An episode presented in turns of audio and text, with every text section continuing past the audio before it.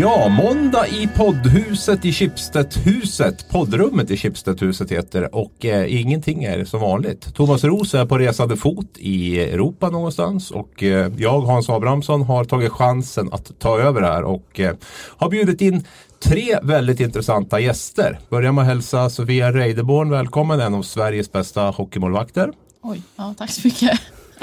Eh, Maria Roth, en av svensk ishockeys allra största. Eh, 265 landskamper bland annat. Eh, stor hjälte i damkronorna vann mot USA i semifinalen 2006. Numera föreläsare och expert på SVT Sport. Välkommen! Tack snälla! Och så har jag min kollega Emelie Fredriksson här också. Välkommen till dig och Emelie. Tackar, tackar. Och dagens stora samtalsämne är svensk damishockey och eh, var vi är på väg någonstans var den är på väg någonstans där. Och eh, tänkte börja med Sofia först. Är du Sveriges mest kontroversiella ishockeyspelare? Jag tycker nog inte det, men det är många som tycker det. Eh, många andra som tycker det, men jag skulle mm. inte säga att jag är det. faktiskt. Du har ju haft väldigt mycket synpunkter och sådär. Varit ute och kritiserat en hel del som eh, ja, ämnen som har diskuterats här inom, inom damhockeyn. Jag kan ju ta en liten lista på den där eh, damkronornas krav i allmänhet och medaljbonusen i synnerhet i samband med strejken. Eh, alla som tycker att lönegapet mellan herrar och damer är för stort. Det tycker inte du. Du tycker inte att ni förtjänar mer än det. Eh, relationen mellan spelare och ledare i SDHL-lagen. Att det ger inget seriöst intryck. Att eh, tränare tillsammans med spelare och så vidare. Och eh, Luleås satsning i SDHL som du satt satsning inom situationstecken och sagt att de har ju typ värvat halva finska landslaget. Eh, jag vet inte om det är en satsning. Eh, varför är du så kontroversiell? Eh, oj, jag vet inte ens var jag ska börja nu, det var så mycket. Um, Nej men det, jag tycker ju det som, det som står där, kanske satsningen då, det var väl vi, vi kan ju gå in mer separat på varje grej sen men, men just mm. att du har, du, du, du, har väldigt starka åsikter och de eh, går en bit utanför strömmen ibland. Nej för att jag, det är precis så där jag tycker. Mm. Jag tycker, jag brukar dra paralleller till Adam, min bror och hur det funkar där. Eh, och då brukar jag sätta det i paritet med damhockeyn och då blir åsikterna sådär. Mm. Att, eh. Adam är Adam Reideborn som tidigare spelade Djurgården och numera i Kazan då, i ryska ligan. Jag ska väl för, för, förtydliga där då. Men eh, det står ju också på din Twitterkonto där att stå upp för vad du tror på även om det betyder att du står ensam. Mm. Hur ensam har du varit i det här känner du? Eh, väldigt ensam. Det har ju blivit, eh, men det, alltså det, det blir konsekvenserna någonstans. Eh, och det har jag ju alltid varit medveten om och det, det får man ju ta. Så att, men jag har stått ensam, absolut. Mm. Har du blivit utfryst tycker du också? Av? Ja, jag tappar väldigt mycket vänner.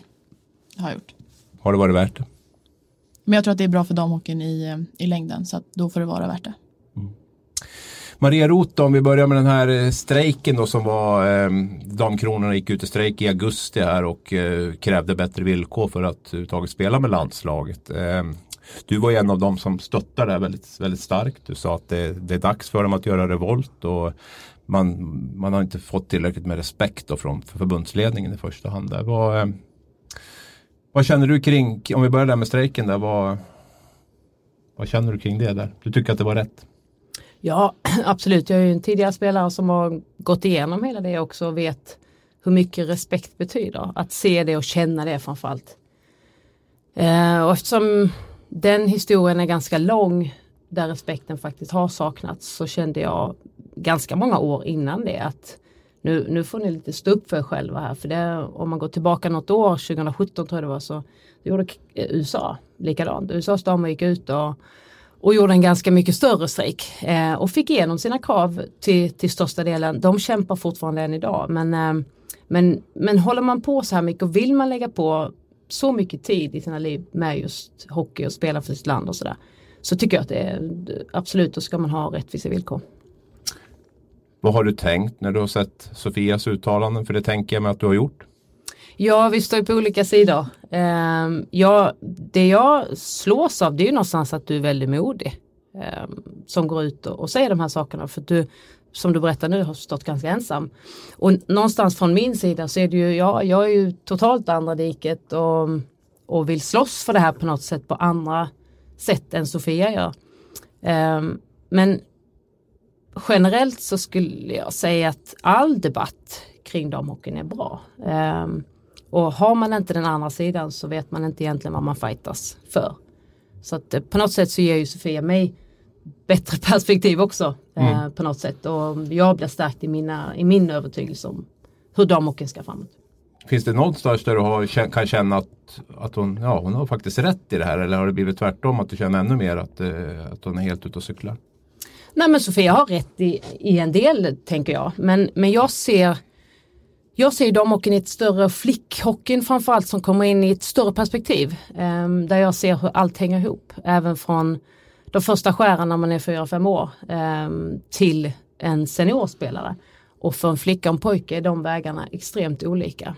Ehm, vissa klubbar välkomnar tjejer men extremt många anser att eh, värdet på en flickhockeyspelare är inte lika stort som en pojkhockeyspelare. Just för att skillnaderna högre upp är så, är så pass mycket större. Att pengarna ligger hos männen där. Och det är den vägen någonstans som jag vill förändra. Eh, för jag ser att det finns ett annat värde och ska man behålla en, eh, få en, en mer hållbar värld någonstans så, så är det inte bara att se på hur det är idag för så här har det sett ut de senaste ja, vad är det, 60 åren, 70 åren. Ännu längre tillbaka så är det männen som har fått tagit den platsen. Och, och jag tycker att det är så, så fel, men det börjar när, när man är barn. Eh, och det är den vägen någonstans som jag pushar väldigt mycket för att förändra den situationen för flickor. För jag tror att allting spelar roll. Det blir som en snöbollseffekt för pojkarna. De får rätt förutsättningar och sen så blir det bara skillnaderna blir så enormt stora när de är äldre. Vi ska komma tillbaka på det där lite grann när det gäller återväxt och, och sådana saker. Jag ska bolla över till dig Emelie där. Eh, hur mår svensk damhockey i februari 2020? Mm, jag skulle säga att den mår eh, sådär. Jag vill inte måla fram på väggen. Det händer jättemycket i ligan. Eh, det här med damkronorna är ju, det är inte bra att eh, de har fallit ner i, i BVM. Men samtidigt som den där strejken, alltså det är många många spelare som jag har pratat med genom åren, damspelare som, som pratar om den nästa generation, vi gör det för nästa generation. Och jag tror det är lite samma, samma sak med att falla ner i BVM, att det blir som en omstart. Jag tror att det kan vara bra. Som till exempel damkronorna, det känns som det har varit flera år nu dåligt självförtroende liksom i laget och det har varit mycket fokus på andra saker. Under Borks tid var det mycket fokus på Bork och det känns inte som att laget har haft det här självförtroendet och liksom, det har inte varit, jag tror inte att det har varit så här superkul att spela i, i landslaget de senaste åren. Så jag tror att eh, med liksom Ylva in är en omstart i sig och sen då nu att man kan bygga vidare på, på det här, få in lite nytt självförtroende och liksom starta om lite. Eh, och sen eh, ja, hur damhockeyn mår i stort. Alltså, det händer jättemycket i ligan. Det är flera lag som, eh, som satsar nu. SHL-klubbar som också vill att eh, damlagen ska ha det bra. Men det finns, alltså damhockeyn och SDHL är fortfarande väldigt ungt. Eh, så jag tror att det är, liksom, det är en utvecklingsfas och det blir ett steg, det klassiska. Ett steg fram, två steg tillbaka. Och det finns jätte, jättemycket att göra skulle jag säga. Mm. Mm. Det finns vissa saker som är bra men det finns väldigt mycket att göra. Om man mm. sammanfattar det så. Mm. Vad säger du Sofia? Nej men jag tror att det är mm, lite både och. SDHL som jag nu spelar i tycker jag är superrolig att spela i. Jag har blivit gått jättemycket framåt de senaste åren. Bara som jag har spelat i ligan och just nu är ju den bättre än, bättre än någonsin. Eh, men jag skulle väl säga, det säger ju sig själv, vi spelar i BVM, det mår ju inte mår inte superbra och det, du var inne på det och eh, att det har varit mycket fokus på mycket andra saker och det är väl det som jag har också känt att det har varit. Eh, och speciellt med, jag tycker inte att till exempel bojkotten var en eh, en bra grej för damhockeyn. För de som jag har eh, interagerat med och pratat med så har den snarare gett motsatt effekt. Eh, och att man har känt att ja, men ni kanske ska prestera först och det har jag varit inne på på innan att man vill se en prestation först innan man kan kräva saker. Du menar och, att fallet kan bli väldigt tungt nu om man inte går ut och, och levererar? Det? Precis. Eh, för nu, nu kommer man ju, då får man vara beredd på att det finns krav på att man ska prestera. Mm. Eh, för nu har man fått igenom sina, sina krav. Men eh, jag skulle säga att det är, det är både bra och dåliga saker med ligan och eh, just Ylva tog du upp. Jag tror inte att det är eh, heller rätt person för, för jobbet just nu eftersom att jag eh, ser ju hur ehm, relationer, som du var inne på, eh, i stort präglar hela ligan. Vi har ju, damhockeyn i sig har ju mycket, mycket relationer. Och det både landslaget har ju relationer, man ser att hon är ute och hänger med spelare och sen som hon sen tar ut i landslaget och det kan jag tycka Även fast det kanske inte har någon påverkan på uttagningen så skickar det fel signaler. Vad menar du med ute och hänger då, då med, med spelare? Eh, de har ju, jag vet ju att vissa spelare har varit hemma hos, hos henne och bakat lussebullar och de var ju på någon resa tillsammans och sådär. Så att eh, jag tycker inte att det ger eh, ett bra intryck. Även fast det kanske inte påverkar uttagningen så får man den känslan och jag tycker inte att en, en förbundskapten ska, ska göra det. Vad, vad, säger du Maria, är Ylva Martinsen rätt ledare, rätt förbundskapten i det här läget? Ja men jag, jag tror faktiskt på Ylva. Ehm, från det de hade tidigare med, med Bock som jag också var ganska tydlig med att jag tyckte det var fel. Att han kom in, eh, han var fel person för det laget, det skapade mer Ja men det blev mer konflikter än, än någonting annat egentligen under hans eh, period där. Jag tror att Ylva är en lugn norrbottning som, eh, som på något sätt kan eh, ja, men komma in och få ett, ett lugn i gruppen. Eh, jag tror hon är en relationsskapare. Eh, hon jobbar nära spelarna. Eh, vill skapa en trygghet eh, och jag tycker redan om man kollar senaste VM, det VMet de faktiskt åkte ut så, så såg jag en helt annan glädje i spelet ehm, då jag var på SVT och, och följde dem ganska nära. Så att jag tror att de är på rätt väg men det är lite som Emelie du också pratar om, det har varit en ganska tuff period eh, och som har satt sig mentalt för de har inte lyckats egentligen föra matcher. Nu är de i ett BVM så att det är extremt intressant hur de ska de måste ju bara upp eh, och det vet de och jag tror att de någonstans behöver lite press eh, för att det måste man lära sig spela med. Att föra matcher eh, och vara det bättre laget och komma vinnande ur. Eh, för det har de inte lyckats prestera tidigare. Men tillbaka till din fråga. Jag tror, jag tror att Ylva är, är rätt för uppdraget faktiskt. Hur ser du på det här med relationer då inom, inom svensk damhockey? Om vi ska ta det där. Är det ett problem tycker du? Nej, det, jag har inte upplevt det som ett problem eh, som Sofia. Så att jag har nog egentligen inte så mycket att, att tillföra där. Jag vet inte, de lever nära varandra. Eh, det, det är verkligen, man, man brinner för det här eh, och att det uppstår relationer här och där, det, det ser inte jag som något större problem. Vad känner du Emelie, är det okej okay att en förbundskapten har spelarna hemma och bakar lussekatter? Um, jag kan ju inte riktigt bakgrunden till detta så att jag, just i det här fallet vet jag inte om jag kan svara på den frågan. Men det är klart att om eh, spelare i eh, så här SDHL som Sofia då reagerar på det så um, kan det ju vara bra i alla fall för att tydliga vissa saker att uh, vi gör så här därför att till mm. exempel. Mm. Men det är också någonting som jag vill tillägga, det är relationer inom lagen i SDHL som också, vi har ju, jag vet, av egen erfarenhet bara i vårat lag har vi väldigt mycket relationer. Och självklart så är det, det är svårt att förhindra vem du blir kär i, det, det går liksom inte.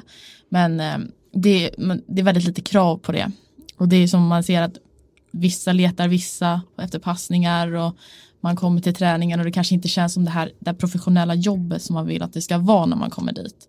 Jag vill att det ska vara som herrhockey, du kommer dit för att du ska bli bättre, för att du ska prestera, inte för att du kommer dit och så har du liksom fem stycken par i laget som är hälften av laget. Det, det blir inte samma kemi i laget. Vissa har den, en speciell kemi medan andra inte har den och sådär. Så att jag tror att det skapar ganska mycket problem faktiskt. Mm. Um, Ja, det, jag känner att det har blivit ett större problem de senaste åren eh, än vad det har varit innan. Det blir fler relationer. Ja. Mm.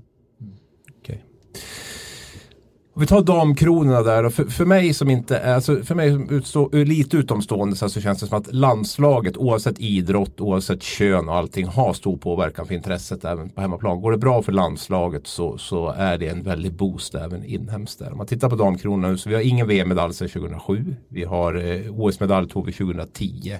Det är, liksom, det är tio år utan någon medalj överhuvudtaget. Vad, hur har det kunnat blivit så här? Maria? Ja men det är olika generationer. Jag, jag spelade ju själv fram till 2010 och jag vet att den eh, gruppen av eh, eh, som vi hade då egentligen mellan ja, 2002 till 2010. Det var en väldigt tajt grupp som gick hade enorm passion för uppdraget att eh, vi ska ta OS-medaljer och vi vill ha den ädlaste valören. Och vi, vi la ner otroligt mycket tid och engagemang, passion i detta.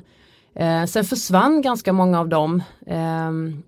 Och jag tror att alla lag som, som blir ett lag vid, vid vissa tillfällen, de måste hitta sin egen glöd, sin egen, vad är det vi kämpar för? Um, och jag tror samhället är lite annorlunda idag än vad det var då. Det var, det var lite mer kollektivet då faktiskt. Idag är det, det är lite annorlunda och jag tror man måste anpassa ledarskap och allt. Du kan inte bara slänga in en Eh, vem som helst i ett lag eh, utan du måste kunna det här med dynamik i lag, hur du lyfter individuella spelare för det, det är lite mer individuellt idag. Och jag tror man har tappat lite det här kollektivet men samtidigt att varje spelare är kan prestera sin bästa hockey. Där tycker jag inte att Sverige har varit. Vi har inte haft de här topprestationerna eller toppspelarna eh, de senaste tio åren. Och många länder går förbi. Eh, och då har vi ju varit väldigt tydliga med också sagt att hockeyn i vissa länder går snabbare än i Sverige. Och där är ju ett, såklart ett stort individuellt ansvar. Men det går också tillbaka till det här att man gjorde lite uppror. Man har haft dåliga villkor och ska man spela som herrarna som, som Sofia är lite inne på. Jag vill att det ska vara som herrhockey men då måste man förutsättningarna var, måste vara annorlunda för att för de här spelarna så är det en hobby på många sätt. Och mm. dit vill jag ju, jag vill ju få det förändrat. Men hade ni så mycket bättre förutsättningar menar du under det här 2002 till 2010 än vad de har idag? Nej, vi hade inte jättemycket bättre förutsättningar. Vi hade stöd av SOK, det försvann ju ett tag här nu på 2010-talet. Eh, men, men vi hade, jag tror det jag vill komma åt är att vi hade liksom någonstans en dröm, en passion, någonting som vi såg tillsammans med vår tränare som vi bestämde att det här ska vi uppnå. Hur gör vi det? Vi tog nästan i hand på att så här mycket träning krävs, enormt mycket träning på egen hand. För man visste att kompisen bredvid gjorde samma sak. Mm. Eh, det är en av bitarna. Men just förutsättningar idag, ja men jag förstår. Det, det, är andra tider, man behöver, man kräver lite mer och man ska ha mer. Men man får aldrig glömma också det personliga ansvaret. Hur mycket lägger jag ner på min idrott? Och, eh, sen finns det andra bredvid, typ jag och, och sådana som, som jobbar för att förändra strukturen att få det bättre för tjejerna. Men eh, man får aldrig glömma det egna personliga ansvaret också. Emelie, jag får ju lite gåshud fortfarande när jag tittar på laguppställningen från 2006 där det var ju extremt mycket vinnar, vinnarskallar verkligen där. Så tjejer som tävlade och liksom duktiga också där. Var, var, varför ser det inte ut så idag? Varför har vi inte de spelarna? Mm. Alltså jag vet det är en stor diskussion det här med utländska spelare i SDHL till mm. exempel. Eh, jag upplever, jag är inte alls emot utländska spelare i SDHL men jag tror ändå att landslaget har tagit en liten smäll av det de senaste åren. Att det är liksom in, inte så många svenska spelare som förväntas liksom vara ansiktet utåt för laget, vara den som ska driva på, den som tar stora ansvaret, liksom stjärnan i laget. Eh, och det jag tror ändå att damkronorna har fått liksom ta en, ta en smäll där. Mm. Vi ska komma tillbaka lite till SDH eller utländska spelare sen. Sofia, du tillhör ju den nya generationen som kommer upp nu, du är 20 nu. Eh, varför tror du inte att det finns den här typen av spelare som Maria Roth, Rika Holst och ja, Kim Martin? Ja, de är ju en, en, de är stjärnor för sig liksom. Eh, men eh, de senaste åren så tycker jag man har lagt, man har lagt mycket fokus på mycket annat och det, jag tycker att det speglar mycket mycket samhällsutvecklingen i sig. Att eh, man, man tjejerna kräver saker och, och så och självklart ska man ha det som man förtjänar. Det är det som är eh, summan av kardemumman kan man säga. Eh, man ska ha, det ska vara jämställt. Absolut, det är, ju jag tror att det är ingen som säger att, att det inte ska vara det. Men idrott är ju en sån, eh, en sån grej som man det är svårt att ha det jämställt om att det baseras på intresse, intäkter och allt vad det nu är. Och det har varit mycket, eh, mycket fokus på mycket andra saker än att bli bättre på att spela hockey och prestera. Eh, och jag tycker att eh, man skulle ha lagt mer, för jag känner i alla fall att när man spelar mot de här bästa från andra länder, att de är mycket, mycket bättre på att behandla pucken, inte behöva titta på pucken när man åker skridskor och mycket bättre på att skjuta och det är där tycker jag att vi brister. Eh, och det är ju ingenting som som man inte kan träna på själv heller. Utan det ligger ju liksom lite hos individen. Eh, att man, man vill bli bättre. Eh, så att jag tror att det är en... Eh, har varit lite fel fokus de senaste åren och det är därför vi inte har fått upp bra spelare och sen så tycker jag dock att vi har väldigt många på gång. Jag, vi mötte Göteborg igår och Hanna Tuvik där, alltså hon är helt, hon kommer bli hur bra som helst om hon fortsätter som hon gör. Mm. Att, hur, ska vi ta, hur ska vi ta hand om de här unga spelarna som kommer upp nu? Vad behövs för att de ska kunna bli de här nya damstjärnorna? För det är ju det, är det man känner att man verkligen vill ha de här som man kan förebilderna som är, som är fixstjärnor. Så finns det Finns det i systemet idag? Eller kommer de liksom bara att Kommer det bara att plana ut utvecklingen för dem? Eller ser du att de, de kan bli riktigt bra? De kan självklart bli. Allting ligger ju i deras egna händer. De kan du känner så? Att ja, förutsättningarna finns liksom från ja. förbundshåll och klubblagshåll och allting så? Jag, har, jag spelar ju ändå i ett av seriens sämsta lag. Har ju alltid varit det. Liksom. Nu är vi i första året som vi faktiskt har tagit oss till slutspel. Mm. Uh, och har vi kanske, jag skulle nog säga att vi har de sämsta förutsättningarna i ligan. Men vi har fortfarande det är inget som stoppar oss från att bli hur bra som helst för vi får fortfarande träningstider och vi har en, en skottramp som man kan, man kan stå och nöta på. Det fil, finns Almis, alltså det finns alla möjligheter i världen. Det finns ett gym om du vill köra. Det är ingenting som stoppar dig för att, från att bli världens bästa hockeyspelare. Det är liksom samma sak som de herrarna som spelar division 1. De måste också jobba vid sidan av för att ta sig någonstans. Eh, men sen så lägga ner extra jobbet för att kanske ta sig till Hockeyallsvenskan eller SHL. Mm. Och det är där vi någonstans måste börja, att vi vill lägga ner de här extra timmarna för att sen bli bra, för att kunna generera intresse, för att sen så ha eh, en morot att kanske tjäna pengar i slutändan. Finns den glöden, nu är det svårt för det att svara på, men känner du att den glöden finns bland dagens 20-åriga spelare på, på damsidan? Eh, jag tror att det finns eh, fåtal, absolut. Men jag tror att det är den som har svikit de senaste åren lite. Mm. Hur mycket mark har vi tappat? Jag tänker på de här, det var ju mycket konflikter under Borgs tid. Det var många som tackade nej, många som man inte tog ut. Sen har vi haft den här strejken som har varit och, och, eh, i år och eh, ja, säsongen i stort sett första delen i alla fall spolierad och eh, BVM, vi åkte ut i BVM tidigare våras där. Hur, hur mycket mark har vi tappat Maria? Nej, men jag tror vi har tappat en del av de spelarna som eh, den marken på de spelarna som spelar idag. Sen tror jag att det kommer väldigt många underifrån, precis som Sofia är inne på, så är det många underifrån som, som, som är på väg upp och kan bli duktiga. Men det är här också som det inte har hänt så mycket de senaste, om man kollar de senaste tio åren på spelare som har kommit upp och så har man själv suttit och tänkt hon kan bli hur bra som helst. Mm.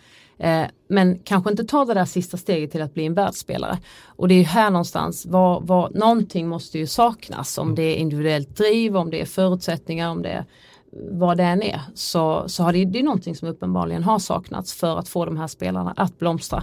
Eh, till en, vara en helt okej okay hockeyspelare, en bra SDHL-spelare men sen händer det någonting på internationell nivå där vi inte når upp i, i den standarden som jag anser att de här skulle kunna ha.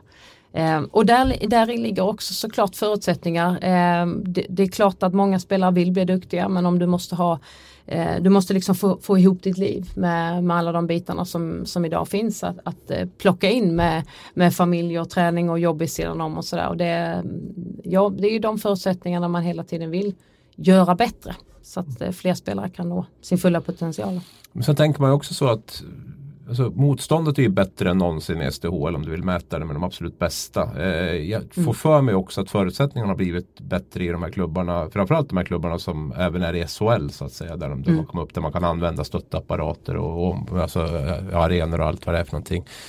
Borde inte det vara liksom en, någonting som gör att vi egentligen borde gå motsatt väg? Att vi borde liksom om det handlade om förutsättningarna på det sättet? Jo, alltså det här med för utländska spelare har vi pratat om väldigt länge och jag har inte varit någon, jag är ingen större motståndare till utländska spelare för att det jag, det jag alltid har varit emot är när man plockar in tredje fjärde spelare som utfyllnadsspelare. Där måste vi i svensk hockey bli bättre på att lyfta in eh, unga svenska spelare Eh, och det är möjligt att man kan komma och göra någon överenskommelse lagen emellan att, det, att vi måste ha sig och så många juniorspelare med och lyfta dem. Men det jag har liksom eh, saknat ändå det är de här svenska spelarna som ändå får spela i en första andra kedja. Att, att själva ta det initiativet att jag ska bli nummer ett i det här laget. Oavsett om vi har Wakefield eller Carvenen eller någon annan i laget så ska, vi, ska jag visa att jag vill vara den som spelar när det är sista bytet på matchen Eh, när det betyder någonting. Men, men där tycker jag att svenska spelare har varit lite för låtit de här andra utländska spelarna få ta lite för mycket mark. Att man lätt skyller på det att vi har så många duktiga utländska spelare och jag får inte plats. Jag anser att de ska ta den platsen och lägga den extra tiden och göra allt det där extra som är liksom i yt deras yttersta kraft att göra för att komma till och ta den platsen. Eh, men där har vi inte varit och anledningarna finns säkert hundra stycken som inte jag har en aning om. Men eh, där tycker jag att vi inte har kommit upp i den nivån som jag skulle vilja. Just på grund av att vi har utländska spelare, använd dem för de, de, de kommer hit, de är skitduktiga, eh, se och lär eh, och bli bättre. Men vi har ju också jättemycket plats för svenska spelare i vårt lag. Mm. Men det, vi, har, vi får inte några för att det är liksom, vi spelar inte i Tegera Arena eller Fjällräven Center eller så utan vi har Enebybergs ishall med ett ett halvdassigt gym, absolut, men det funkar. Mm. Uh, och då får, vi lockar inte de här uh, yngre talangerna. För det är, ingen, det är liksom inte riktigt status att spela i SD. Uh, men du får mycket, mycket speltid och mycket förtroende. Så det är egentligen sådana där lag som man ska sträva efter och faktiskt få utvecklas i. För att jag hade ju aldrig utvecklats så mycket i, i något annat lag som jag gjort i SD. Med det förtroendet som jag har fått. Mm. Emily, när tar Damkronorna medalj igen i ett mästerskap? Mm, jag tror att det dröjer. Ska jag slå till med ett årtal? Ja, ett antal år. Är det fem år eller är det tre år? Eller är det... Mm, ja, jag tror över fem år. Mm. mm. Sofia? Jag tror också att det är över fem år. Man måste bygga en långsiktig plan nu. Maria? Mm. Ja, jag har varit inne på samma ungefär. Jag tror att eh, de det, det, krävs en jätteförändring. För nummer ett så ska man upp i AVM och sen eh, måste man sätta en, en väldigt tydlig plan. Eh, öka takten på träning, göra allt det där som krävs och det, det tar några år. Eh, så jag tror över fem faktiskt. Det kan innebära att vi har en närmare 20 år där utan VM-medaljer. Från 2007 då, fram till 2025 eller 2027 eller något sånt där. Så fall. Mm. Eh, Eh, till sist då Sofia, jag avslutar landslagssnacket där. Vem tycker du ska vara förbundskapten istället? Eh, jag tycker att det ska vara eh, någon som inte har varit runt damhockey förut eh, och kan ställa ordentliga och bra krav på gruppen. Eh, så att någon som inte tillhör den här damhockeykärnan. Någon utifrån. Du har ingen namn där? Nej. Om man, alltså, no, min dröm hade varit att typ ha Sam Halla. Mm. Mm? Man får drömma i den här podden. Vi ska eh, gå över till eh, SDH lite grann också, titta på den. Eh, antalet utländska spelare är ju en, en sak man pratar väldigt mycket om. Jag räknar till 101 utländska spelare enligt Elite Prospect på vägen ner hit nu, 153 svenskor. Eh, det innebär ett snitt på 10 utländska spelare per lag. Då. Eh, vi har en svenska, Hanna Olsson, bland de 13 första i poängligan, resten utländska spelare. Eh, är det bra så vi har det, Emelie? Ja men jag tycker att, eh, att det är bra med utländska spelare. Sen tycker jag som sagt det är onödigt kanske om det kommer upp i för många per lag. Men sju, åtta stycken eh, i ett lag tycker inte jag alls är något problem. Utan jag ser det som att eh, det lyfter ligan och som vi varit inne på, de svenska spelarna kan också se chansen att liksom se och lära och jag tycker man ska utnyttja de utländska spelarna ännu mer. Ut med dem i skolor, och bland yngre lag och liksom använder mer som förebilder och ta efter. Eh, uppenbarligen har de ju en annan attityd kanske som eh, svenska spelare kan, kan se och lära lite av. Så att, eh, jag tycker att det till stora delar är väldigt eh, bra. Du är Sofia som spelar i ligan. Eh, ska vi ha en begränsning på antalet utländska spelare? Jag tror inte man ska börja där. Eh, utan jag tror att man som du Emelie, att man använder dem som, som eh, idoler och förebilder för, för yngre. För att bygga dem. Eh, och sen när man får en bättre kvalitet på de svenska spelarna att man då inför en begränsning. Eh, men just nu som, som jag ser det så eh, jag utve utvecklas jättemycket av att ha eh, dem på både träning och match. Men samtidigt så förstår jag ju att det, det är ju de svenska spelarna får ju inte de här eh, avgörande rollerna Eh, i lagen och eh, det är ett jättestort problem för, för landslaget i sig såklart. Så att jag, jag är ingen, inte för eller emot egentligen utan jag kan se det positiva med, med både och. Men jag tror inte att man ska ha en begränsning nu för jag tror att det kommer bara missgynna ligan i sig. Ehm, och eh, vi kommer inte få in några mer publikintäkter då faktiskt. Så att jag tror att det är dumt att göra det nu. Säger du Maria? Nej men jag tror, jag tror inte ens att det går att göra en begränsning på utländska spelare eh, efter de regelverken vi har i, eh, här. Så att, eh, Ja, det man kan säga är väl att det går ju, klubbarna kan väl göra en typ av gentleman Ja, de- agreement i så fall. Att man skulle- säger så. Det går inte ja. att lagstifta mot det. Nej, Men, precis. men skulle de vilja så. så kan man- Ja men alltså min, min utgångspunkt är att, att eh, STHL är en extremt ung liga. Eh, damhockeyn i Sverige är väldigt ung.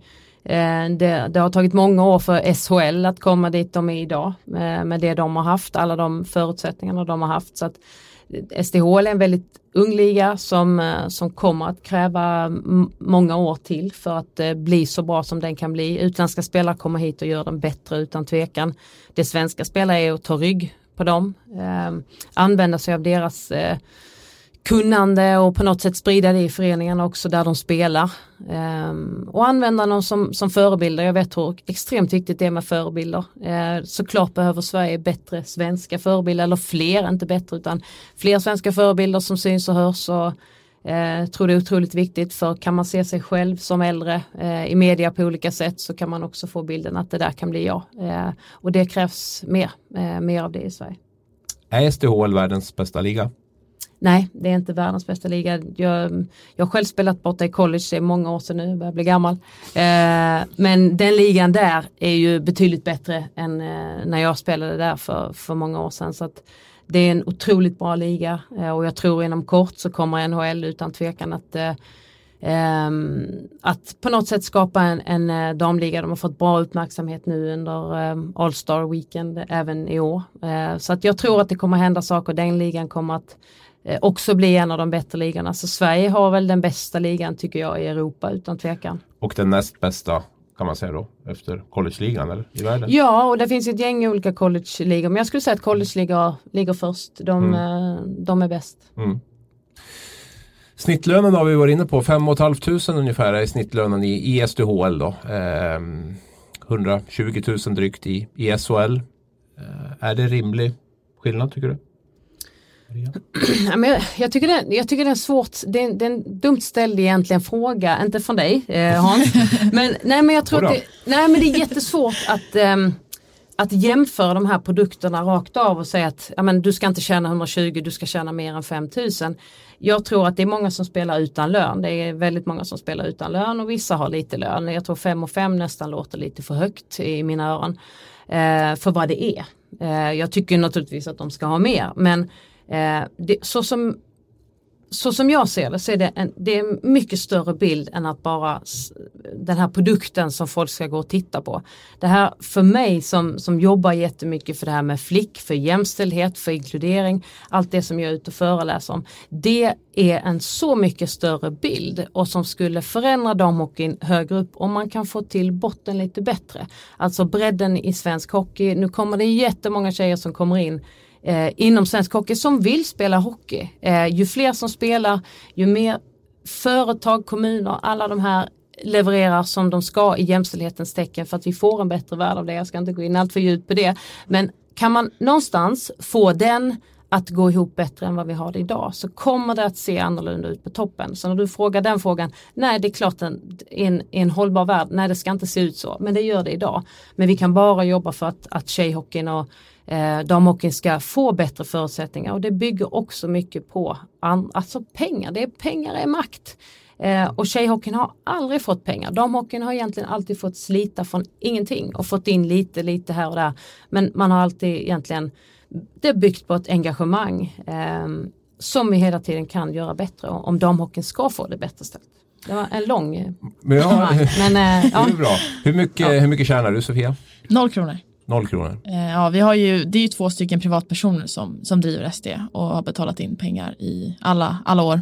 Eh, och jag tror att de får in kanske 5 000 här och där från olika småsponsorer. men det är, de har betalat allt eh, från egen ficka. Som, eh, och då, är, då är de här importkostnaderna på 12 500 så att det blir ju ganska mycket pengar. Då är det svårt också att känna att äh, även nu vill jag ha pengar också. Det är svårt att kräva någon annans, någon annans lön liksom, för det är det det, är det, det blir. Hur, hur mycket bättre skulle du kunna bli om du fick kunna liksom leva på, på ishockeyn? Få en lön därifrån? Och, Nej, jag hade inte blivit, jag hade inte, alltså mer pengar i min ficka hade inte gjort mig till en bättre hockeyspelare. Eh, så är det ju. Det har bara gjort att jag hade blivit, kan köpa lite mer kläder. Eh, men, där, men där tror jag många inte är eniga med dig. Ja, nej, eh, det, det, det, tror jag för att mm. hade jag spelat och fått mer pengar och kunnat leva på det fullt ut, nog tusan hade jag blivit en bättre hockeyspelare.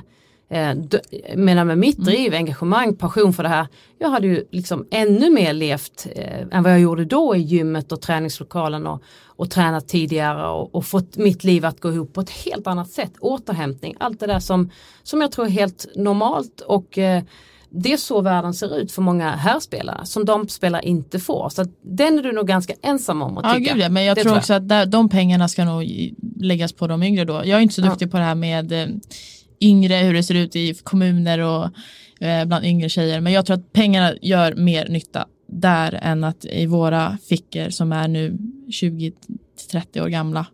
Eh, jag tror att det är ganska jag känner mig i alla fall som att jag kommer de här åren som jag utvecklas mest på de har ju redan varit jag kommer ju självklart kunna utvecklas mer men de, de åren som jag hade under hockeygymnasiet som var jätteviktiga de har ju redan varit eh, så att jag eh, jag skulle lägga dem på de yngre tjejerna som kommer kunna ta OS-medaljer. För att jag känner inte att det är lite av en förlorad generation. Um, jag tror inte att uh, det är inte vi nu som, som spelar nu som kommer ta OS-medaljerna om 5 till 10 år utan det är de som kommer underifrån. Så jag tycker pengarna ska läggas där. Varför är det en förlorad generation Emelie, tror du? Nej, jag håller inte med Sofie riktigt. Jag som är, jag är 29 år gammal eh, och skulle jag ha lagt liksom hela mitt liv eh, alla dagar på hockeyn jag har familj, jag har barn.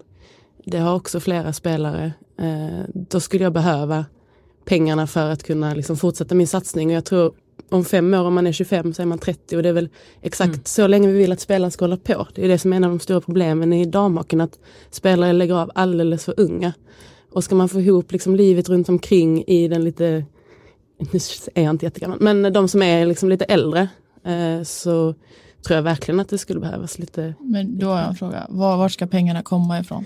Nej jag, säger ah, inte, nej, att, nej, jag säger inte det att det är liksom realistiskt att det ska ske men om vi liksom ska utveckla hockeyn så behövs det liksom pengar till spelare för att liksom man ska kunna fortsätta hålla på. Ja, och det där var ju min nästa fråga som Sofia ställde nu. Vad, vad, vad, ska man, vad ska pengarna komma ifrån? Hur får vi in mer? Jag tror publiksnittet nu ligger på runt 200 i SDHL. Det har gått upp en del sen riksserien startade. Då låg det runt 100 men det har legat ganska stabilt runt 200 här i 4-5 år.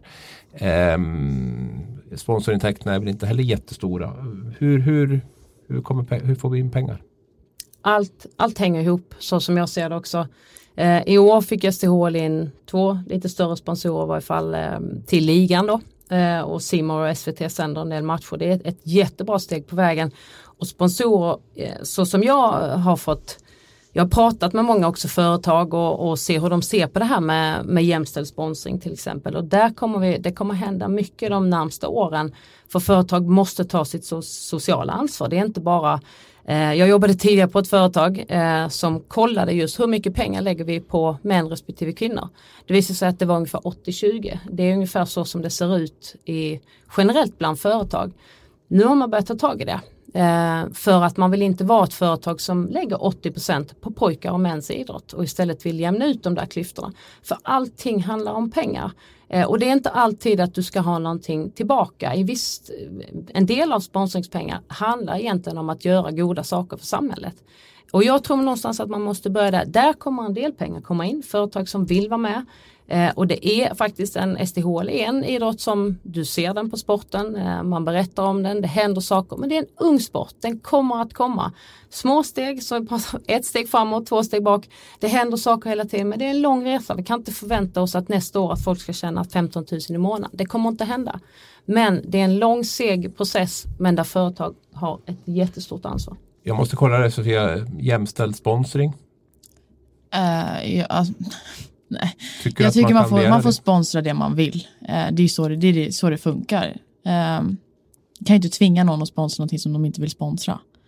Eh, och jag förstår om man inte vill sponsra någonting som 200 går att titta på. Det ger ju inte, gynnar inte företaget så mycket.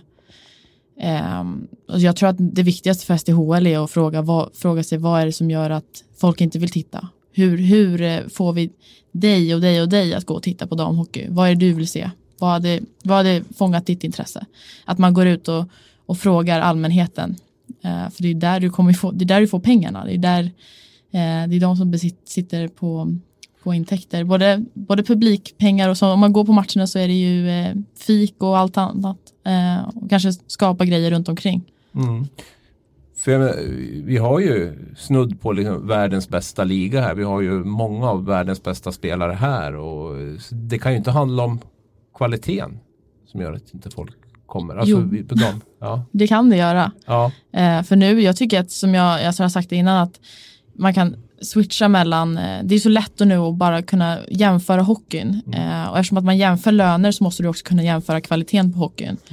Och kvaliteten eh, lockar inte människor att titta just nu och det tror jag det är där det största problemet ligger, att man måste, måste göra hockeyn bättre eh, och mer sevärd. Och vad jag har fått känslan av så är det många som vill eh, att man inför tacklingar. Eh, Ja, men, och det var ju det, vi kan ta det på en gång då, för det är en fråga som jag har fått. Jag har haft stor, stor, eh, vad heter det? Eh, många som har hört av sig när de hörde att vi skulle spela in podden. Just det här med tacklingar är det många som har frågor om. om det är en, vi har ju diskuterat om man ska ta bort det här hockeyn kan jag säga i den här podden tidigare och, och köra som, som damerna gör. Eh, nu finns det ju en omvänd då, frågeställning om man ska införa tacklingar till här hockeyn. Du börjar Sofia, tycker du det? Jag förstår att det är, en, eh, det är problematiskt eftersom att hela IHF och alla eh, i VM spelas utan tacklingar och så vidare. Men jag tycker att det är en fråga man kanske ska eh, se över faktiskt. Jag tycker att det tillhör ju hockeyn. Jag tycker att det är kul att titta på hockey när det smäller. Och, ehm, så att jag tycker man ska se över den. Sen vet jag, inte- jag är inte insatt hur det funkar med IHF och allt sånt där. Utan det, men eh, absolut. Vad säger du Maria där? Tacklingar, skulle det lyfta damhockeyn? Nej. Jag är ganska övertygad om att det inte hade gjort det. Jag tror att om man kollar tillbaka historiskt sett när man tog bort, jag tror det var runt 90, ehm, så, så tog man bort tacklingarna. Och det gjorde ju att damhockeyn fick hitta någonstans sin egen väg. Hur ska vi lira? Och kollar du på en riktigt bra damhockeymatch så kan man se att det är så otroligt mycket mer tekniskt. Ehm, du måste spela ett annat, du kan inte vara ett spel, en spelförstörande eh, spelare, du kan inte ha massa spelförstörande eh, spelare i ett lag för att då, då ryker du på grund av alla utvisningar som tas. Du måste bli tekniskt skickligare hela tiden och det här har ju gynnat damhockeyn som jag anser. Man gjorde faktiskt en undersökning på ganska många spelare där borta och frågade vad tycker ni? Det har gått några år nu, det snackas om dam, eh, damhockeyn ska lägga till tacklingar och väldigt många är faktiskt emot och anser att det damhockeyn har blivit idag Eh, det är en produkt som, som många tror att herrhockeyn kommer att gå mot. Det, eh, och sen har man även pratat om tacklingar i, i samma åkriktning som, eh, som herrhockeyn såklart tillåter. Ja, eventuellt. Eh, men men eh, jag tror att för mig har hockey varit fall som hade Wayne Gretzky som idol. Det jag såg då, det var ju liret. Eh, jag är också en ganska stor spelare, tror att jag hade gynnats av att det fanns tacklingar när jag spelade. Men jag fick lära mig något annat, jag fick spela mer teknisk hockey och älskade det. Ehm, och, och tror att damhockeyn inte kommer att vinna någonting på att lägga till tacklingar. Jag tror inte det är därför man går dit och tittar för att få se tacklingar. Jag tror att man hade gynnats av det faktiskt. För att jag tror att eh, nu blir det, nu får, vet man man får inte smälla. Så att då, ja, för jag tycker det som damhockeyn brister på det är att man inte är tekniskt skickliga. Eh, det blir inte de här eh, snygga dragningarna. Utan man, för man vet att man kommer inte bli, om, om jag inte tittar upp nu så, så kommer jag bli, bli sänkt. Utan man vet att det är ingen som kommer kunna nå mig nu. Jag, ingen som kommer kunna stoppa mig med, eh, med kroppen liksom. Så jag tror att det hade faktiskt gynnat damhockeyn att kunna titta, titta upp mer och bli bättre på att behandla pucken. Emily, Mm. vänder mig till dig också. Tacklingar.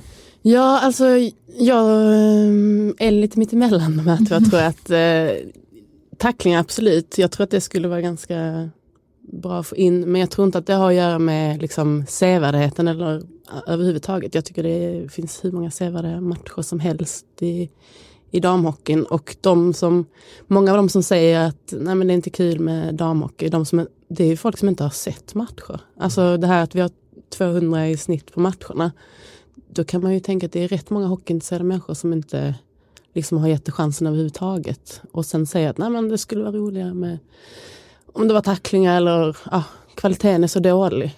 Men det är ju Eh. många som går på de här äh, rekordmatcherna men som inte kommer tillbaka.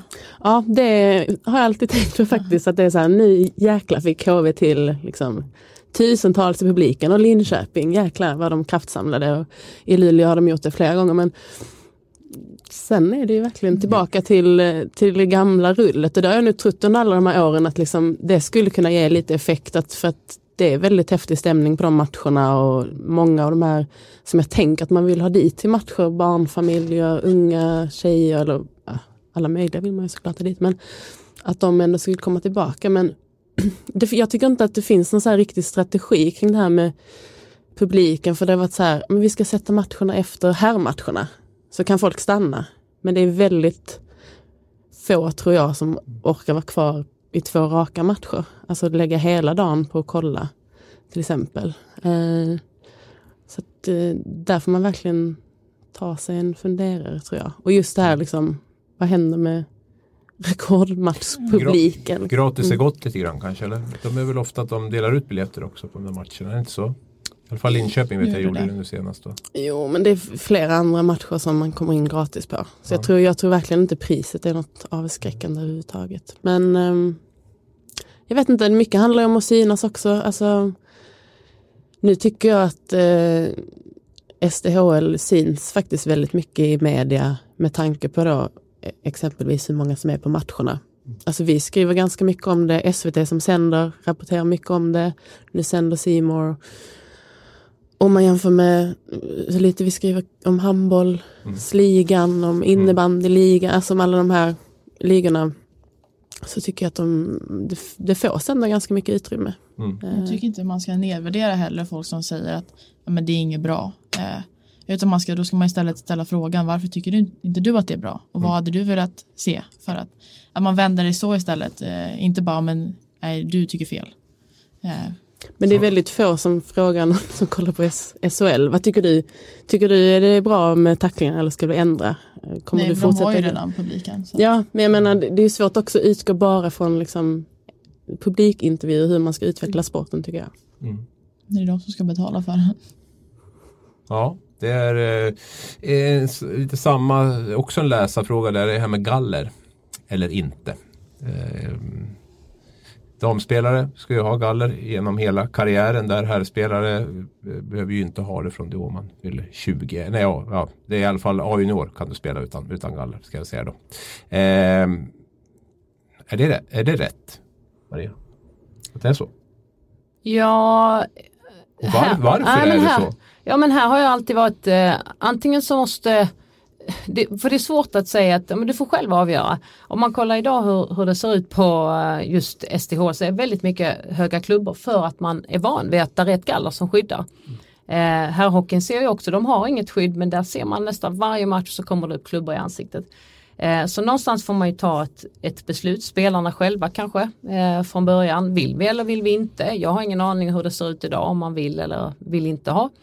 Eh, och, men jag tycker det är en jättesvår fråga att bestämma uppifrån att så nu ska ni inte spela. Eller, alltså vissa vill säkert ha sitt galler för att det finns klubbor, höga klubbor konstant varenda match. Men nu är det ju inte ens ett val du kan göra utan nu, är ju, nu måste du ju ha galler Precis. på det. Ska det vara valfritt att spela med?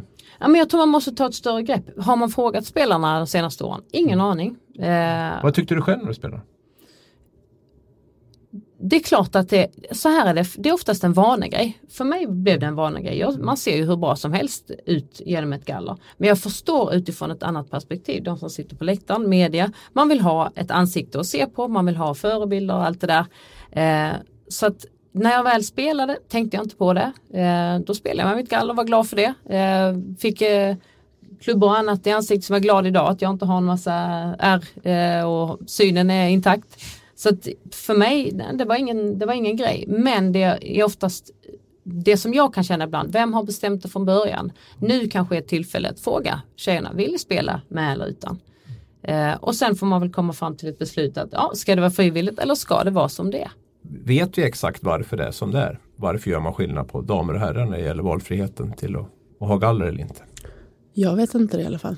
Jag, har ingen aning. Jag har fått hört att det är något sånt här försäkringsaktigt. Har jag. jag kan inte exakt heller men jag fick någon sån eh, att det har att göra med jag, jag, vet inte riktigt hur det hänger ihop heller med försäkringarna riktigt. Om ett kvinnligt ansikte liksom är värdefullare än ett manligt eller någonting. Jag, jag, jag, vet inte men det var någon som sa det förut i alla fall. Men för, för mig är det ju om man tänker på det var, varför, varför ska herrar få välja och inte damer? Och vem har bestämt det så?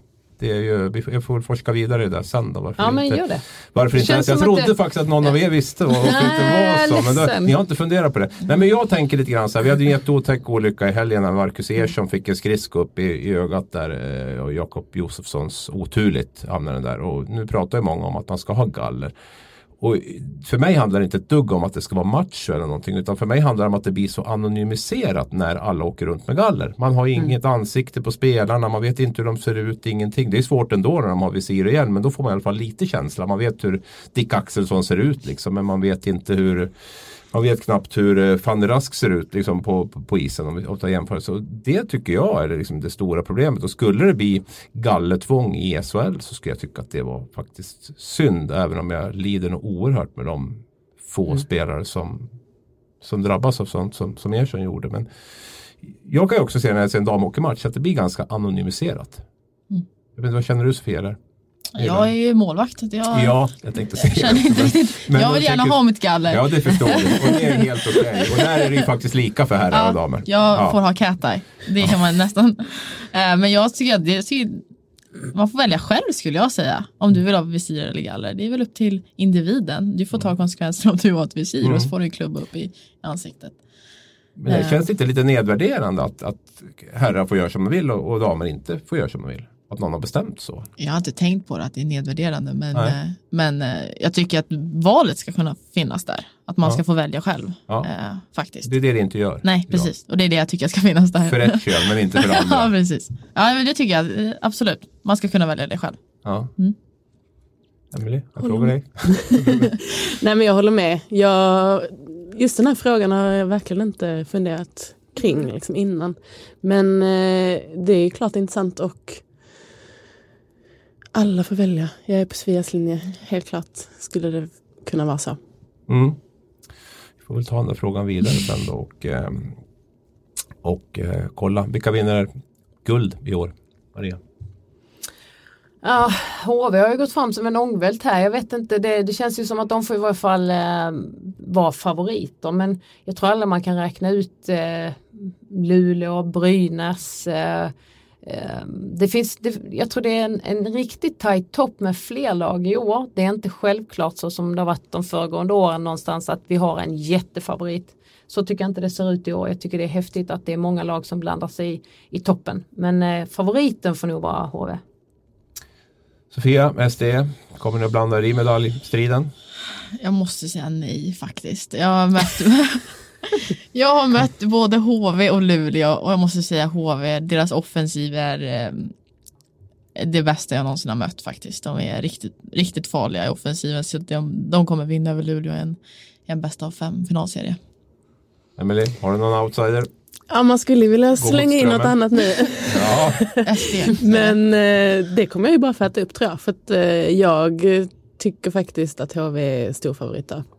Eh, och det är, när man har sett liksom säsongen, det är svårt att säga något annat. Men som sagt, slutspel är något helt annat. Och den liksom eh, kulturen som finns i Luleå, alltså det kommer hända någonting med dem i slutspelet, det är jag helt övertygad om.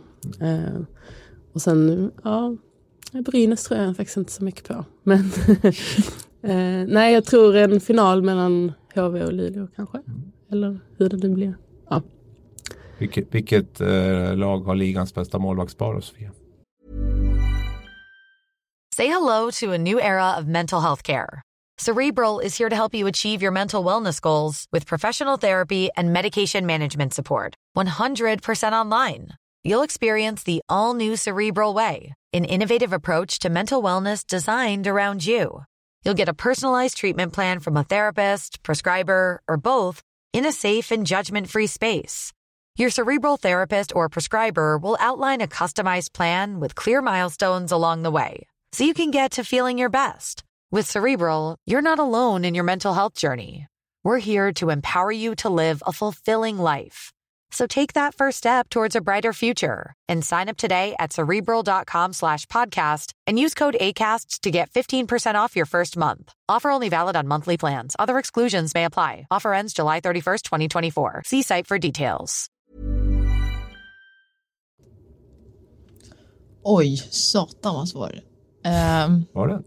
jag skulle nog säga HV nu faktiskt. Jag tror du skulle svara SDE. Ja, nej, nej, nej, gud nej. Eh, Procent, räddningsprocentmässigt så är ni det. ja, men vi har inte vunnit flest matcher. Nej, Nej.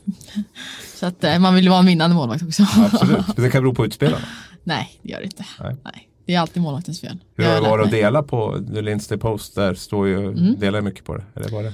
Ja, det är en ny, helt ny grej för mig och man lär sig mycket. Det är en ny mental, mental grej att eh, stå en match i veckan och, och eh, vara redo att prestera. Utan man har inte en match en dagen efter och måste bara ladda om direkt. Utan det är, det är en helt ny mental grej som har varit jätte, jättenyttig för mig.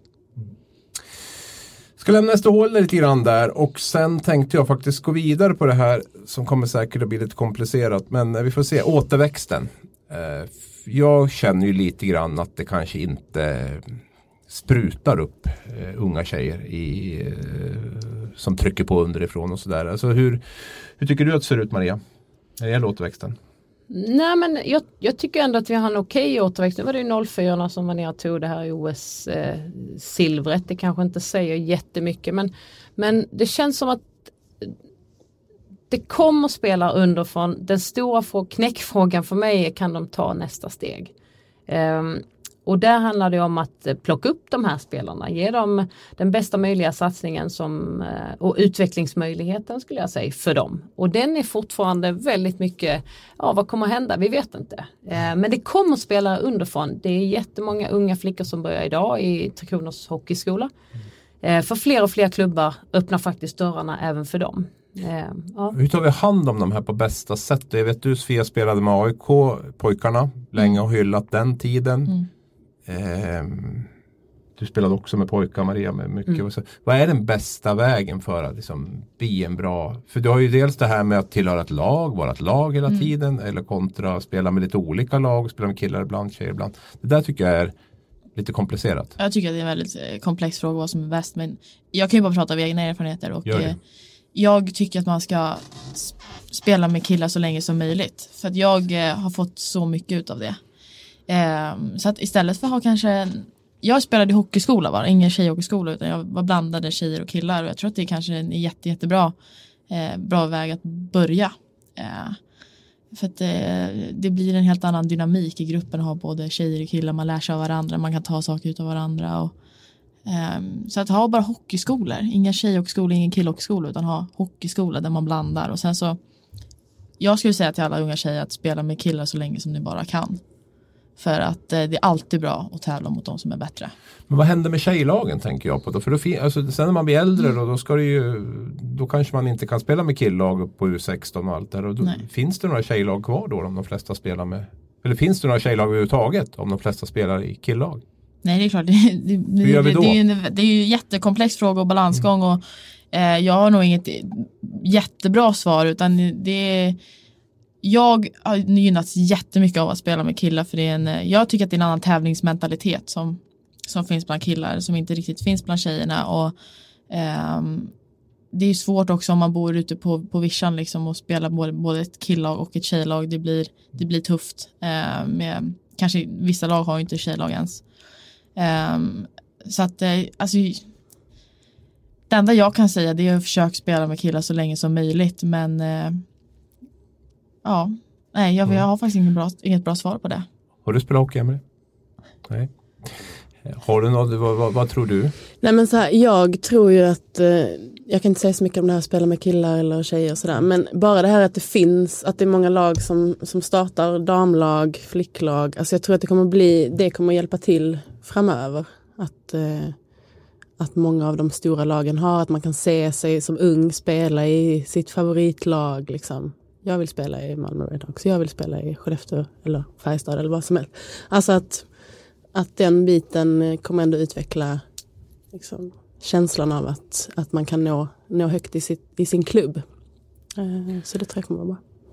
Maria, du har du svaret på hur, hur, hur, ska det se ut Jajamän. på ungdomssidan? Ös på. Nej men eh, jag, jag, ser ju att det här det är en större komplexare fråga än, än det är möjligt att svara på just nu. Ehm, eh, men jag kan ju bara ta egna erfarenheter. Jag, jag tyckte det var jättebra att spela med killar. Jag hade inte det lätt. Eh, det, jag tror det är eh, ytterst så personligt hur man, hur man har haft det i sina lag. Eh, jag känner ju eh, får ju många samtal, många unga tjejer som har haft det extremt tufft. Alltid någonstans blivit utfryst, den enda tjejen inte fått den behandlingen som killarna får. Eh, där det fortfarande råder den här ganska eh, ja, machokultur som där tjejer inte riktigt eh, tillåts vara. Men det finns klubbar idag och det finns väldigt många föreningar som gör jättebra saker där man lyfter in att ja, men ska sporten växa överhuvudtaget så måste både tjejer och killar komma in. Eh, och man gör det så gott det går, man startar ett tjejlag inom vissa åldersgrupper, alla är välkomna, kom in, de har kul, de blir fler och fler. Sen kan man dela upp dem i olika lag. Vill någon tjej spela med killlagen så hoppas jag ju att föreningar där säger absolut, vill du spela med oss, du är samma ålder eller du får dispens för det det är fine. Eh, för att man vill ha så många, man får, man får inte glömma att det är barn vi pratar om, liksom. De, vad är deras bästa? Eh, och den situationen är alltid unik. Eh, där barnen själva måste någonstans eh, få säga vad de tycker och känner och funkar det med klubben så, så anser jag att det är det bästa att, att kunna kombinera om man kan. Eh, men att sträva efter att få flicklag i alla föreningar. Och sen pratas det mycket om det här istid, det finns inte tillräckligt med istid men jag anser att finns det istid till pojkarna så finns det istid till tjejerna. Vi det får ska. inte istider på grund av att det, det är också, man delar dem med konståkarna. Mm. Ja, och det är ju Men också vad, en, vad tycker du där då Ja. Sofia? Ska Mm. pojkar och flickor ha lika rätt till istid? Ja men det är självklart. Barn. När man, ja när man är barn så ska Ja. det vara då är det ju inte pengar som styr där eh, som det gör i SDH eller SHL. Men det är där- fortfarande ja, pengar ja, som självklart, styr. ja Mm. självklart så är det ju. Men alltså som är Mm. intäkter och sånt där. På vilket sätt är det pengar som styr menar du då? Jo, jag pojkar och flickor? Jo, för att jag menar att det finns sju, åttaåringar pojk, åttaåriga pojkar som tidigt märker att de är prioriterade i föreningarna för att man vet att senare då kommer tjejerna inte vara intäktsbringande för det är så man ser på det. Och då ger man bäst förutsättningar till pojkarna som hela tiden såklart lyfts av detta. De, stärks, de, de lyfts inte som människor, det vill jag också påpeka. att Jag tror inte att de gör det. Utan jag, jag anser att det här måste fördelas mycket, mycket mer rättvist från början. Man kan inte kalla att det finns ett, ett eh, problem med tillräckligt, det finns inte tillräckligt med istid. Men finns det till pojkar så finns det till flickor. Då får man, då får man på något sätt göra att det här funkar. För jag tycker inte att man kan ta bort flickorna där och bara anse att det, pojkarna har mer rätt. För så tycker jag det har sett ut i hundra år. Att det är pojkarna som ska ha rätt till den här idrotten. Det är ju för att man har stängt dörren för flickorna ganska tidigt. Nu har man börjat luckra upp de här, att det faktiskt kom till vår förening. Idrotten behöver växa. Eh, men man kan inte göra föränd- alltså du kan inte göra så stora skillnader som vi gör idag på flickor och pojkar. Eh, för jag tror att det blir en snöbollseffekt som sen genererar det vi ser idag. Mm. Förstår du vad jag menar? Ja, ja, jag förstår precis. Jag förstår Det blir lite invecklat Ja, ja, men nej. jag tror att det här är en större fråga. Vi kan inte liksom bara säga att det är på grund av det här eller det är så här man måste. Det finns så många parametrar som behöver förändras Mm. för att få det samhället som vi vill ha. Hur var din tid i pojklagen? Sofia har ju hyllat sin tid i pojklagen. Hur var din Mm. tid i pojklagen? Som ung så märkte jag ingen skillnad för då kom jag in, jag älskade idrotten, jag älskade, jag provade många olika idrotter, fastnade för hockeyn tidigt också. Det var, det var nummer ett, jag ville spela hockey. Och då var det ingen skillnad egentligen för då var man barn, man spelade, man tyckte det var kul, man var en del i, gänget. Men sen blev det tuffare. Jag kom även in på hockeygymnasiet i Ängelholm. Jag kommer ihåg som första tjej där, det var en jättetuff tid. Många av killarna där var otroligt bra med mig medan vissa killar ja, men jag tror inte de såg mig eller de ville inte se mig för jag var ett hot där. Jag var en tjej i en, i en väldigt mansdominerad bransch. Vad ska, vad ska folk tycka om dem om det är en tjej med? Eh, men de som var trygga i sig själva och, och tävlade på, på sina villkor. Jag vill bli bästa hockeyspelaren jag kan bli. Brydde sig inte om att det var en tjej. Så att jag säger min jag hade riktigt tuffa år när jag spelade med killar ibland. Och, eh, Medan andra gick mycket bättre där man ansåg att jag var en del i laget. Men det här var väldigt så här, säsong till säsong. Eh, På vilket sätt var det tufft? Alltså hur, vad, vad kunde hända då? Var du utfryst eller? Ja men det blev, det blev ju mer det. Eh, återigen, vissa killar var fantastiska medan andra var, tror jag, lite mer rädda för vad ska andra tycka om det här. Eh, vad, vad, hur ser folk på mig när det är en tjej med? Eh, och en tjej som är bättre än vad jag är? Typ. Ja, ibland. Eller lika bra. Mm. I, ibland, ja. Eh, och, och det här tror jag fortfarande den här matchkulturen vi lever i idag, eh, den lever kvar än faktiskt. Eh, vad, vad, det, vad det gör med min maskulinitet när det är en tjej med. Eh, och jag märker att det här, för, för mig så är detta så mycket större, ni ser jag, jag nördar in mig i små saker men eh, jag tror att allting hänger ihop. Eh, och, och, och från det att tjejer kommer in i, i en ishall, det jag jobbar för det är att de ska känna sig trygga. Eh, att de ska känna sig sedda och få liknande möjligheter som pojkarna för så är det inte idag. Och när vi börjar där att förändra det så kommer det att bli bättre för varje steg. Jag är helt övertygad. Eh, för det börjar tidigt. Är det stor risk att vi har tappat många på vägen på grund av Tapp, ja. Eh, Men man ska veta att man har tappat många pojkar också. För att hockeyn tyvärr hamnar i den här att nu, här, så här är du som hockeyspelare, så här ska du vara. Eh, och många pojkar där eh, som jag har pratat med, föräldrar, även pojkar själva har frågat varför slutar du? Eh, en återkommande kommentar där det är ju att men hockey det var inte för mig, det passar inte mig hur man pratade, hur man eh, behandlade varandra. Och där tror jag vi måste ta ett stort, stort grepp och det gör Svenska Hockeyförbundet också nu. Där man faktiskt ser över de här bitarna. Att eh, alla ska känna sig trygga i sina föreningar och det börjar mycket med hur man pratar och hur man behandlar varandra. Vad känner du Emelie? Alltså, eh, Svenska Hockeyförbundet, det var ju en väldig debatt här i, i, i somras då när, när Damkrona bojkottade om hur, hur man har liksom agerat och sådär. Vad, vad känner du? Har man, tar man dam och flick ishockey på, på allvar? Um, både ja och nej. Alltså, man, eh, med landslaget till exempel så har man inte riktigt eh, gjort det anser jag. Och eh, det är också lätt att säga, alltså både klubbar och förbund säger att liksom kanske klappa sig lite på axeln och säga att det här tar vi på allvar. Men sen om man tittar liksom rent konkret, vad görs och vad görs inte?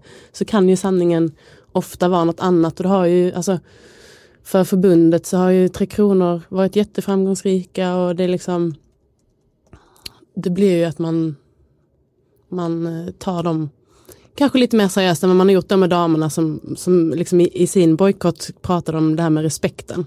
Och det ser jag liksom som en ganska stor fråga från, ett, från ledning, liksom respekten och det var även Brynäs-spelarna inne på. Eh, inte den här vändan då, utan när många spelare lämnat, de inte kände att klubben hade respekterat dem. Eh, och så, det tror jag ändå håller på att förändras lite grann. Alltså nu har ju förbundet, jag tror att de kommer verkligen ta med sig detta och förändra liksom sitt arbete och sitt synsätt och hur man liksom involverar också Mm. damerna. Liksom, det är lätt att prata över och sen att man liksom inte sätter sig ner och diskuterar och hur ser ni på detta, hur ser vi på detta? För det tror jag liksom har varit lite dåligt tidigare. Jag vet att en av Brynäs större sponsorer har ju gått in och öronmärkt pengar. De har sagt att vi skänker, vi så här mycket är vi beredda att lägga in men då ska så mycket gå till, till damverksamheten. Där. Är, det, är det rätt väg att gå? Borde fler företag göra likadant?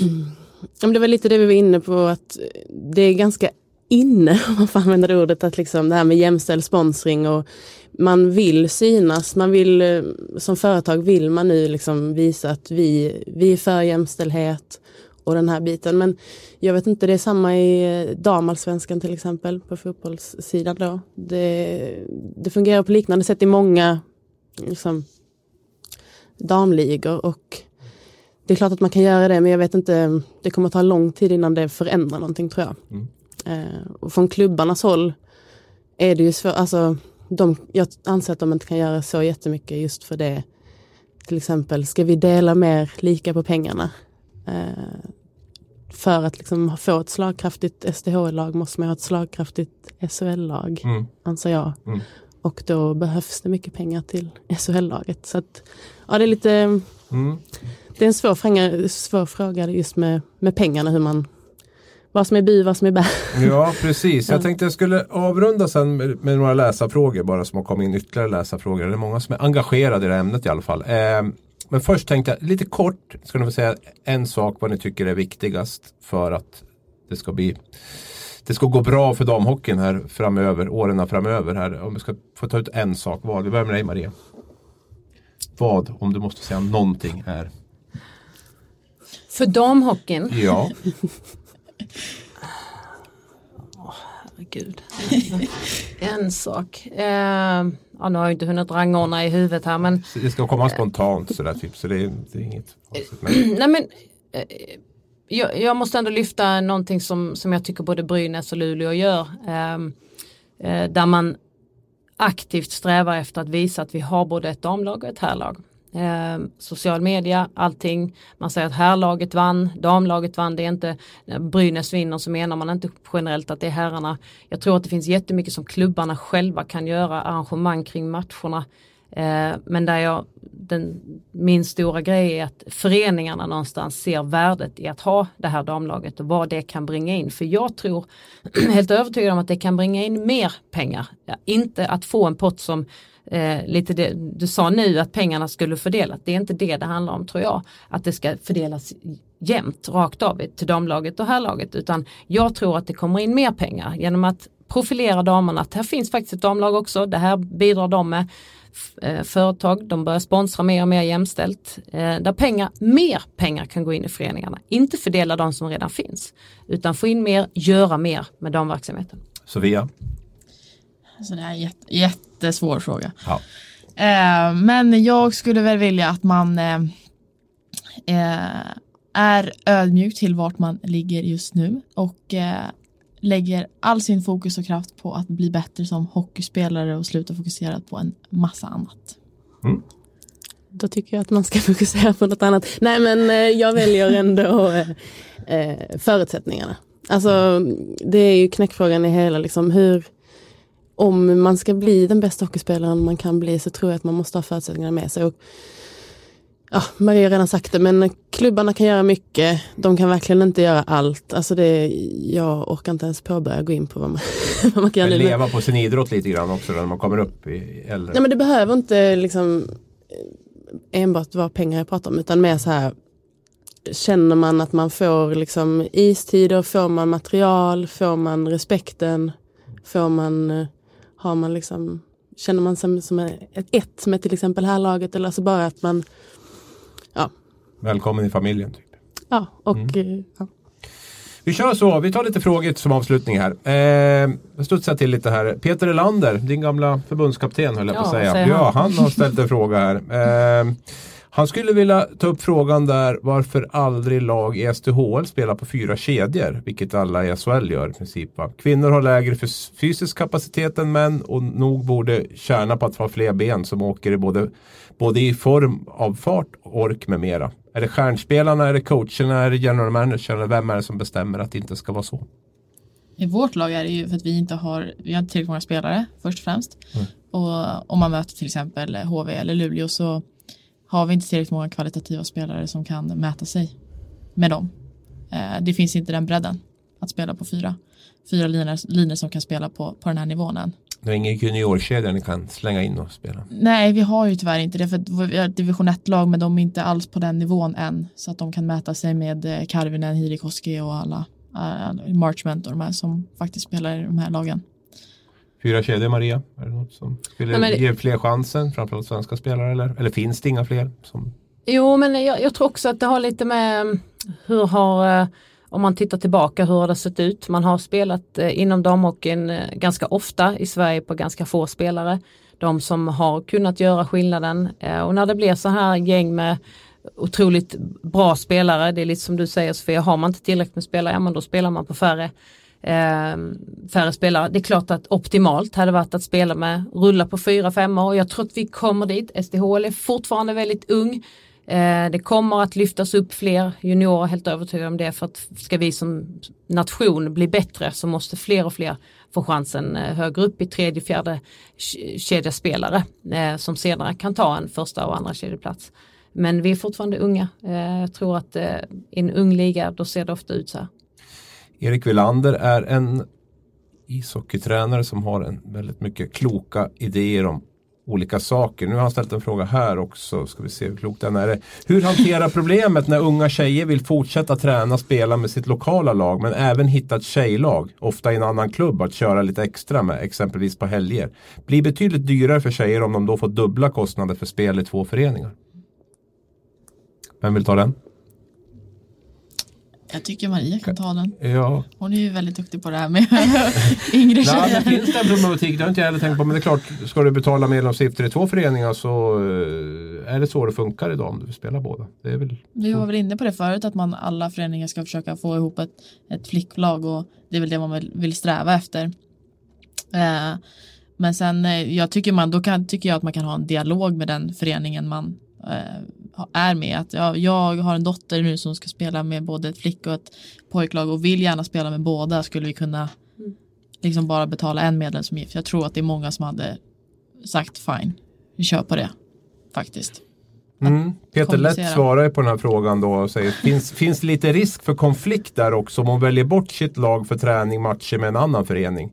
Svårt att bli en del av ett lag om man deltar endast en av fyra träningar exempelvis. Vi vill ju att de ska få spela med tjejer men även vara en del av vårt lag. Vi har inget tjejlag. Det är, han är killtränare då. Men det, jag tror återigen man kan inte, man kan inte säga att eh, så här ska det vara. Det här är den bästa situationen för alla. Alla är unika i detta fallet att de, de har otroligt olika vardagar. Hur ska de få ihop sin vardag? Vill de spela med ett flicklag så ska de naturligtvis kunna göra det på annan ort utan att få dubbla kostnader för det. Det måste ju vara en dialog som förs för att eh, kunna göra det. Eh, och, och det här är ju dilemmat för många flickor eh, som vill behålla sin plats i pojklaget, vara en del av det gänget och träna med dem regelbundet. Och om man får komma in på en lite annan grej så handlar ju det väldigt mycket om ledarskap. Eh, att ledarna är väldigt tydliga med eh, och pratar, kommunicerar. Hur ser det ut för den här tjejen? Hon vill vara en del av det här, hon ska få vara en del av det här. Men som tjej måste hon även få spela med ett tjejlag på annan ort. Eh, och jag tror att eh, generellt för att få färre att sluta inom idrotten så handlar det om ett gott ledarskap där man ser till varje individ och försöker få ett gäng att, att samarbeta och vara schyssta mot varandra. För det var ju det som var väldigt skönt för mig när jag spelade med killarna att det var ingen som tvingade mig att nu måste du spela med ett flicklag eller ett damlag eller utan jag fick välja precis helt själv vad jag vill göra och jag tror att det är väldigt viktigt att lyssna på, på den tjejen då, vad vill hon göra? Eh, vill hon spela med damerna eller flickorna i, eh, tre gånger i veckan och killarna två gånger i veckan, ja då ska Kom- hon få göra det. Kombinerade du spel, kombinerade du spel mellan eh, pojklag och flick slash damlag? Nej jag ville inte det. Nej, så min tränare var helt fantastisk. Det var han också, tror jag, var en stor del till att jag hade det så pass bra i mitt lag. För att han var verkligen så här, var det någon som gjorde något fel då satte han ner foten direkt. Så att det handlar, det är som du säger, att det handlar väldigt mycket om ledarskap, ett bra ledarskap. Tanja Andlin heter hon. För stort glapp Gapp står men glapp, ja gap eller glapp då, idag mellan det som finns idag i form av flickor A, dam och SDHL. Flera serier. Damjuniorer är en men det behövs fler. Det kommer fler tjejer in i hockeyn och det är jättekul men nu får vi dem att stanna. Är det för få spelare eller för få serier? Finns det plats för fler serier? Nej, inte just nu. Nej men jag tror det här är ju man får ta på, på högre nivå för att någonstans hur ska vi få en, den bästa toppen? Då gäller det att man tar hand om serierna under. Se till att ta hand om alla spelarna underifrån och nu har du ju startat en juniorliga i Stockholm, skitbra, ursäkta språket, jättebra initiativ. Eh, det kommer komma fler, det blir säkert fler lag också. Eh, vi är i början på någonting som kommer att bli betydligt större. Vi måste se till att ta hand om de spelarna som är där. Sen är inte jag rätt person att säga att så här ska det se ut. Utan det får man, eh, det får man sätta sig ner och kolla med representanter från alla de olika föreningarna. Hur ska vi få ihop det här bäst? Så att fler kan fortsätta spela den här bästa sporten. Jag tror också att det är viktigt att de här lagen som spelar i division 1, att Skellefteå, Färjestad och de här lagen får möta varandra för att de håller en högre nivå än de, lite, de bottenlagen i sina respektive serier. Att de får möta varandra för jag tror att det kommer gynna ligan under också. För nu är det ett väldigt stort glapp mellan SDH och division 1. Topplagen möts lite oftare. Ja, precis. Att i de, serien. precis, för då får de möta varandra. Det, det, det blir bättre tävling och ja, de utvecklas mer på det skulle jag vilja säga. Så att det, de har lite mer som allsvenskan i division 1. För nu blir det ju liksom, vårat eh, division 1-lag har ju förlorade ju senast här med 11-2 mot Södertälje. Så Södertälje kanske skulle vara lite bättre att möta till exempel Skellefteå. Egentligen. Mm. Jag tror att det skulle gynna damhockeyn i längden också. Stort tack allihop. Nu kommer jag få skäll av Thomas Ros för nu har jag dragit över på tiden lite grann här. Men eh, så får man passa ja, får passa på när man får bestämma lite själv. nu, men jag ska, nej, men jättekul att ni kunde komma och eh, jag hoppas ni som lyssnar har haft lite utbyte av eh, alla idéer som har kommit upp här och alla svar och så. Så eh, sköt om er där ute så hörs vi om en vecka igen.